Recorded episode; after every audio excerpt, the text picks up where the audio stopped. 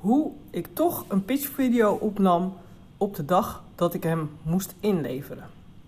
Hoi en welkom bij aflevering 130 van de podcast van Denken naar Doen met Esther.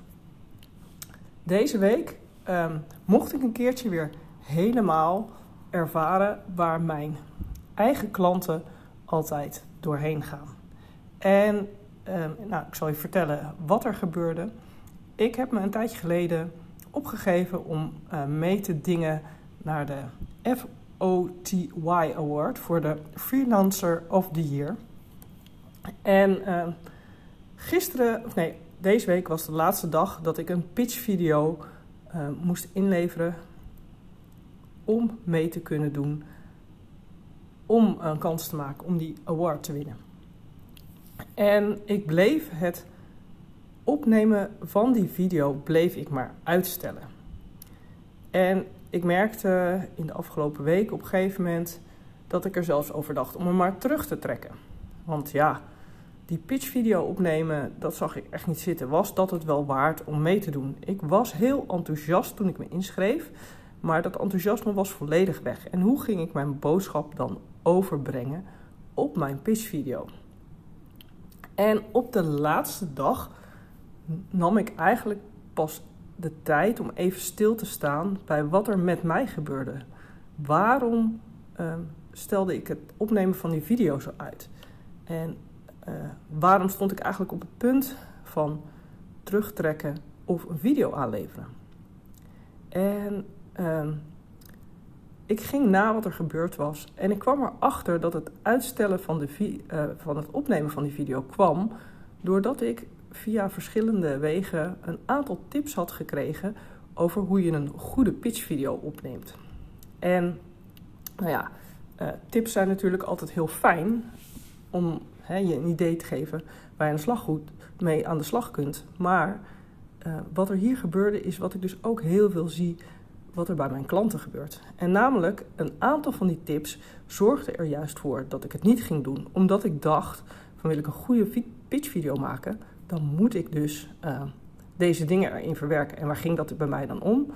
Uh, laat je video door iemand anders opnemen. Ik merkte gewoon, dacht, ja, wie ga ik dan regelen om die video op te nemen? Ik vind dat zo'n gedoe. Ik neem altijd mijn eigen video's namelijk op, gewoon met mijn uh, telefoon of met mijn beeldscherm. En natuurlijk, het is absoluut een goede tip. Dus dat is het probleem. En je denkt, oh, dat is zeker waar. En dan, maar uiteindelijk, ja, het levert eigenlijk meer gedoe en zorgt ervoor dat je niet in actie komt. Nou, een andere was uh, muziek, een muzikaal intro of een muziekje eronder. Iets wat ik soms best wel doe, maar wat op de een of andere manier nu uh, ervoor zorgt van ja, wat is dan een goed muziekje? Daar ging ik allemaal over nadenken. Ik dacht, wat een gedoe om een muziekje te zoeken. Nou, en de laatste was ook wel uh, dat ze het hadden over mooie overgangen. Net zoals deze podcast. Eigenlijk de meeste video's die ik neem, die zijn relatief kort. En uh, die doe ik gewoon in één take. Ik bedenk wat ik erin wil hebben. En uh, ja, dus heel weinig knippen en plakken en overgangen. En soms wel, want omdat ik het leuk vind, hè, dan neem ik dat mee. En dan vind ik dat helemaal geen probleem. Maar soms vind ik het ook fijn om gewoon in één keer op te nemen. Vooral dat ik die vrijheid heb om die keuze te maken. En niet dat iemand anders zegt van, hé, hey, dit is een goed idee en dan ga je het maar doen. Nou, dus door die tips die ik had gekregen en waarvan ik dacht, oh ja, dan heb ik echt een goede pitchvideo, ging ik het dus niet doen. En dit is dus ook precies uh, dat uitstelgedrag waar ik al mijn klanten mee help. En dus toen ik zo bij mezelf had ontdekt, oké, dit is wat er gebeurd is, toen dacht ik, hé, hey, welke tip geef ik aan mijn klanten? Of welke vraag zou ik aan ze stellen om ervoor te zorgen dat ze in actie komen? Want wat ik nodig had, was natuurlijk in actie komen van denken naar doen. En een vraag die ik normaal bijvoorbeeld aan mijn klanten stel is: welke vorm van video zou je wel zo opnemen in dit hele concrete geval? En nou, toen ging ik mijn eigen vraag natuurlijk beantwoorden. Zo leuk is dat dan wel. En welke video's maak ik heel makkelijk? Een how-to video waarin ik gewoon mijn beeldscherm deel en vertel uh, wat ik aan het doen ben. En de andere vorm is uh, ja, die je, als je mijn podcast via YouTube volgt, heb je hem wel eens gezien. Dat is namelijk dat ik een plaatje heb en dan ga ik uh, heb ik een, een waveform heet. Dat zijn van die golfjes die bewegen op, uh, op het volume. Dus hè, als je het harder wordt, dan gaat hij wat meer omhoog. En nou, het ziet er gewoon leuk uit, vind ik zelf. En dan heb ik dus, ben ik zelf niet in beeld met beeldmateriaal, alleen met mijn foto en soms ook mijn gast bijvoorbeeld. En dan zie je dus op ons, op ons uh, volume van ons gesprek zie je die golfjes bewegen. Dus ik dacht, hé, hey, maar die twee vormen die zijn heel simpel. Dus ik was ineens weer klaar om in actie te komen. Ik ging een uh, presentatie maken waarin ik mijn verhaal deed. Ik denk gelijk een mooie leidraad en mensen kunnen het ook lezen. Dus ik hoef geen ondertiteling of zo eronder te zetten. En um, ik nam een stuk op ook met die waveform. En toen dacht ik voor mezelf, ja, ik vind het toch wel leuk als ze ook aan het begin en aan het eind alleen mezelf even in beeld zien.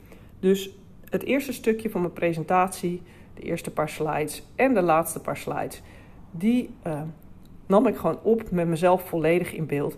En helemaal niks fancies met mooie dingen. Ik had gewoon een geblurde achtergrond, zodat je niet zag wat er achter mij was. Want uh, ja, het, uh, waarom had ik dat ook weer gedaan? Oh ja, achter mij zat een afbeelding, maar die zat dan verkeerd om. En ik wist zo snel niet hoe ik het om moest draaien. En het was inmiddels ook laat op de avond, dus het licht was ook niet meer geweldig. Dus ik dacht, nou, ik doe gewoon een geblurde achtergrond. Want zometeen heb ik toch hè, ook nog andere beelden, dus dat maakt niet zoveel uit.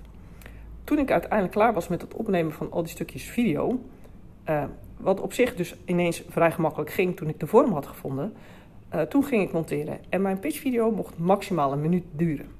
En toen ik het begin en het eind aan elkaar had zitten, want dat had, ja, dat had ik uh, eigenlijk een soort van in één take opgenomen, of tenminste twee, maar wel in één, in één video. Dus daar wilde ik een stukje gewoon tussen plakken. En dat kan ik dan gelukkig wel weer vrij gemakkelijk zelf. Maar dat intro en outro samen, dat was al meer dan een minuut. Tja, dus hoe ging ik daar ook nog die andere stukjes tussen krijgen? En uh, nou ja, wat, waar heb ik uiteindelijk voor gekozen? Om dus alleen, toch alleen mezelf in beeld met gebleurde achtergrond. Hij is hè, qua beeld uh, uitdaging behoorlijk saai geworden. Maar met wat knip- en plakwerk is het me toch gelukt om het verhaal dat ik had bedacht naar buiten te brengen. En ja, wat minder persoonlijke verhalen ertussen. Dus een stukje over mezelf, mijn gezin, mijn hobby's, dat kwam eruit. Want ja, daar had ik geen tijd meer voor binnen die minuut. En omdat ik het dus zo lang had uitgesteld, um, ja, werd het dus lastig om het nog een keer opnieuw te doen. Want daar had ik natuurlijk, als ik eerder dit proces in was gegaan, had ik daar wel tijd voor gehad. Maar dit is dus wat uitstelgedrag voor je doet. Uiteindelijk kan je dus wel uh, het misschien niet zo opleveren als je wil. Maar wat voor mij het belangrijkste was, en dat was de les die ik mezelf hieruit heb geleerd. Dit is dus het proces waar mijn klanten altijd doorheen gaan. Dat ze uit gaan stellen, dat ik het makkelijk voor ze maak. Uh, iets wat ik super leuk vind om te doen natuurlijk, om met je mee te denken.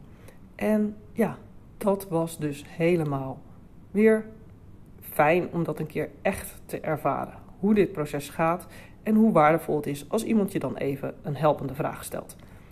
Nou, loop jij nou vast bij het maken van je online programma of je weggever?